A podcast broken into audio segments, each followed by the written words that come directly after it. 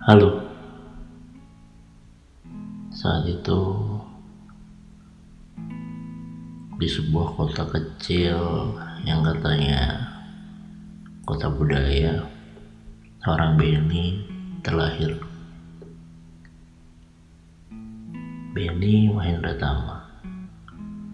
Gue nggak tahu kenapa orang tua gue memberi gue nama itu. Tapi gue juga nggak pernah mempertanyakan sih. Artinya apa? Atau makna yang di dalamnya apa? Di saat anak-anak lain di sana bertanya pada orang tuanya tentang apa arti nama mereka. Tapi gue enggak I just like it gue terlahir bukan dari keluarga saya. Bisa dibilang keluarga miskin. Tapi bokap gue hebat. Beliau mampu membuat anak-anaknya merasa bahwa kami adalah keluarga yang berkecukupan. Kedua orang tua gue sukses mendidik. Para putra-putrinya untuk menjadi anak-anak yang bersyukur. Nah itu sampai ini gue tidak merasa bahwa gue hidup dalam kekurangan. Padahal jika gue lihat masa lalu gue juga heran kenapa gue bisa gitu bersyukur dengan keadaan kayak gitu. Waktu kecil diberi kado sekotak biskuit aja udah girangnya minta ampun juga gak pernah ngeluh. Ketika gue harus belajar dengan lampu minyak. Karena gue gak punya listrik. Ya. Yeah. seingat gue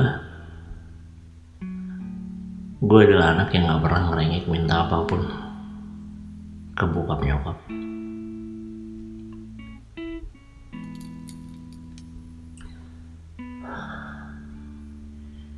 di saat anak-anak seusia gue merayain pesta ulang tahun yang pasti ada kue tart terus undang teman-temannya ya dalam hati gue juga pengen tapi gue tahu kita nggak bakal mampu untuk membeli itu.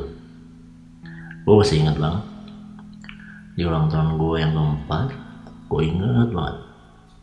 Nyokap gue berusaha bikin gue seneng dengan membuat agar-agar yang disusun tinggi gitu kan. Biar kayak kue tart. Padahal gue gak pernah minta ke nyokap kalau gue pengen ulang tahun dirayain atau kayak gitu. Cuman nggak tahu. Mungkin naluri sebagai ibu kali ya beliau membuat kue ulang tahun gue yang seingat gue itu yang pertama. Dari agar-agar yang dikasih lilin yang kalau lo nyalain kalau pas mati lampu. Jadi bukan lilin ulang tahun atau gimana cuman literally lilin yang putih gede itu. Gue masih inget banget. Dan gue bahagia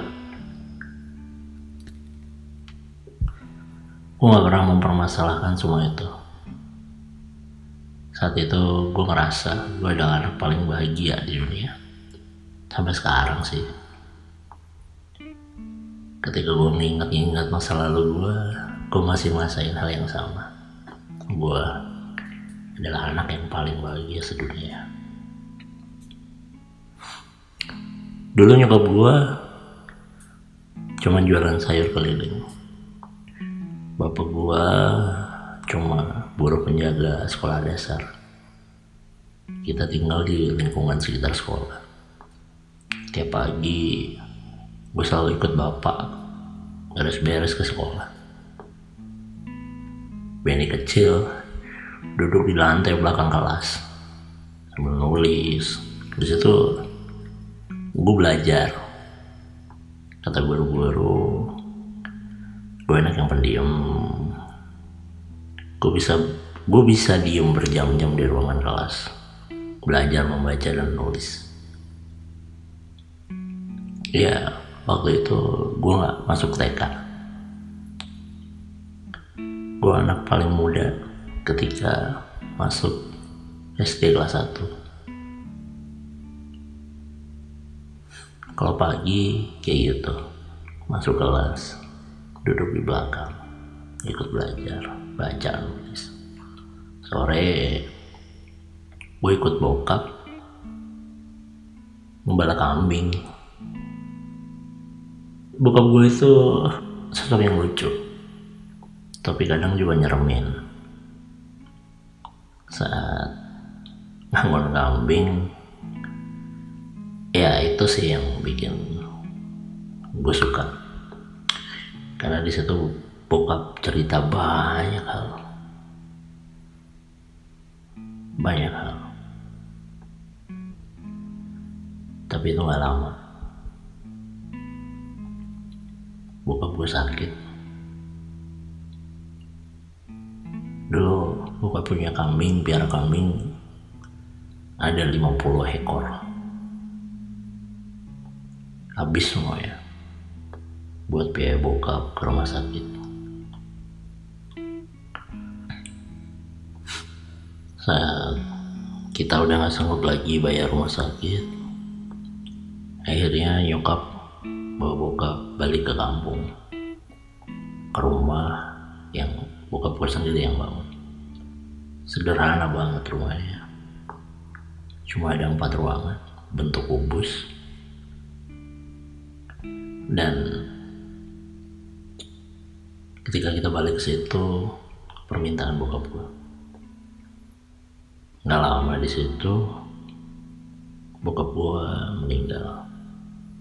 Waktu itu umur gua lima tahun.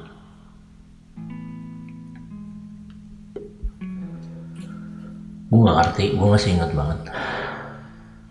Seorang Benny gak ngerti apa itu rasanya kehilangan. Gue masih ingat di gue ada Jawa. Setiap kali ada anggota yang meninggal ada tradisi namanya berbosan yang kalau nggak salah artinya bahwa kita udah merelakan seseorang itu pergi. Dan gue nggak mau waktu itu gue belum tahu maksudnya apa. Cuman secara nggak tahu. Pokoknya gue ingat banget kalau gue nggak mau. Dan gue asik mainan sama teman-teman gue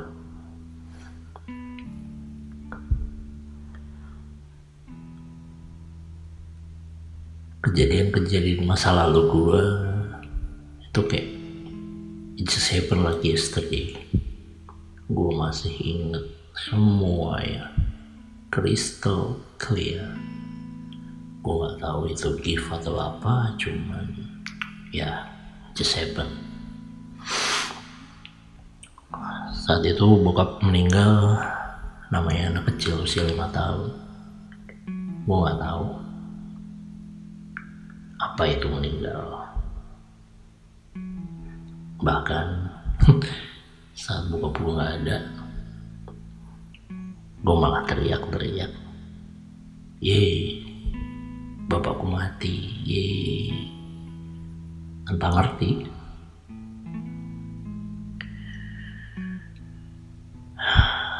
Dan rasa itu rasa kehilangan baru muncul ketika gue menginjak dewasa. Semakin dewasa semakin bertambah umur. Rasa kehilangan itu semakin ada. Salah satu teman gue bilang kalau gue masih belum bisa ikhlas tentang bokap gue mungkin bahkan sampai sekarang. Di saat umur gue sudah 32 tahun.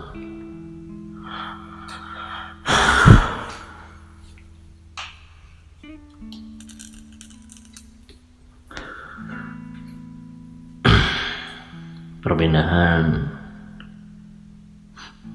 ke kampung karena sakitnya bokap membuat gue harus berpindah sekolah. Berpindah dari teman-teman berpindah dari lingkungan. Gue masih inget banget. Gue sampai nggak mau masuk sekolah sampai satu triwulan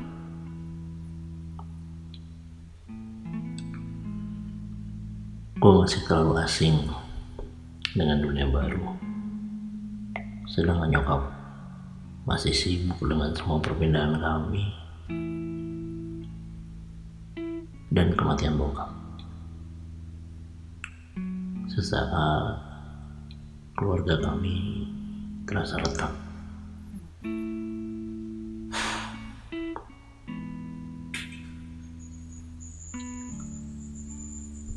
setelah satu triwulan akhirnya gue mau untuk masuk sekolah. Bodoh memang. Gue masih ingat beberapa waktu pertama gue masuk sekolah gue membawa gue membawa pisau dapur di dalam tas dan tutup kaleng yang tajam untuk sekedar mengamankan diri. Kalau ada apa-apa gue nggak ngerti. Kenapa anak seumur segitu sudah punya pikiran kayak gitu?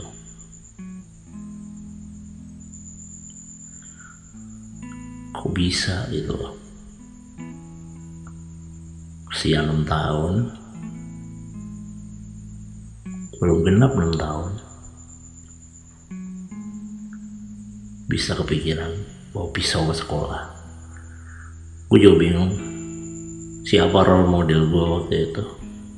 Padahal TV aja kita nggak punya. Gue nyontok siapa ya? Gue nggak ngerti. Siapa yang ngajari gue gue juga nggak ngerti.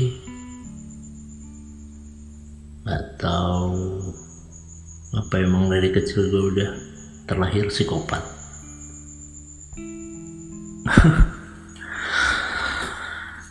Gue ngerti.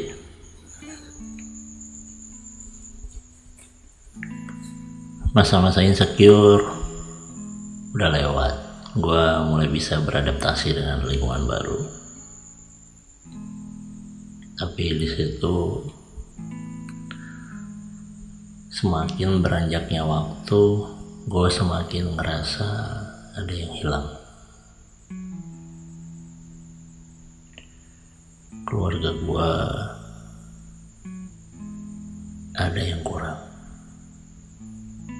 Kita nggak sehangat dulu.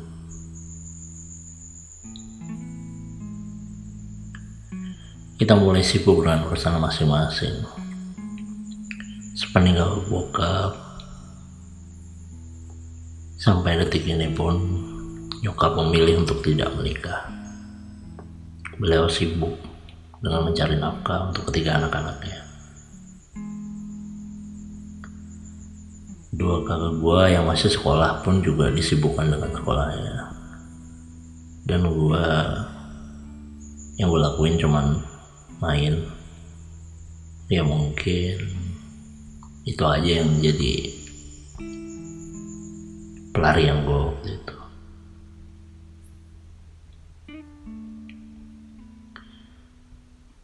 Sampai akhirnya gue masuk SMP gue menyibukkan diri dengan hal-hal positif. Kelas 1 SMP gue udah menjadi ketua OSIS. Gue bisa bayangin kelas 1 SMP jadi ketua OSIS hampir semua kegiatan ekstrakurikuler di sekolah gue gue ada. Mulai dari PMI Rohis OSIS Pramuka PKS you name it. Di struktur keorganisasiannya selalu ada nama gue gue gak pernah ada di rumah di weekend weekend gue habisin di sekolah. Bareng teman-teman gue bikin acara kemah camping apa pun itu di situlah gue ngerasa semakin ngerasa kesepian. Larian gue untung ke arah yang positif. Gue disibukkan dengan seperti itu kakak gue udah mulai bekerja mereka merantau. Kakak gue satunya juga sama. Gue di rumah cuma sama nyokap. Keluarga gue seakan mulai ngejar materi. Gue gak nyalahin nyokap gue beliau ditinggal suami ketika anaknya masih kecil-kecil. Dan beliau adalah orang yang tangguh sampai detik ini beliau tidak memutuskan untuk menikah kembali. Aku juga nyalahin saudara-saudara gue yang merantau punya waktu untuk sedang ngobrol atau bersengkrama bareng keluarga. Ya gue tahu ini semua demi keberlangsungan hidup keluarga gue demi gue demi nyokap gue dan demi keluarga gue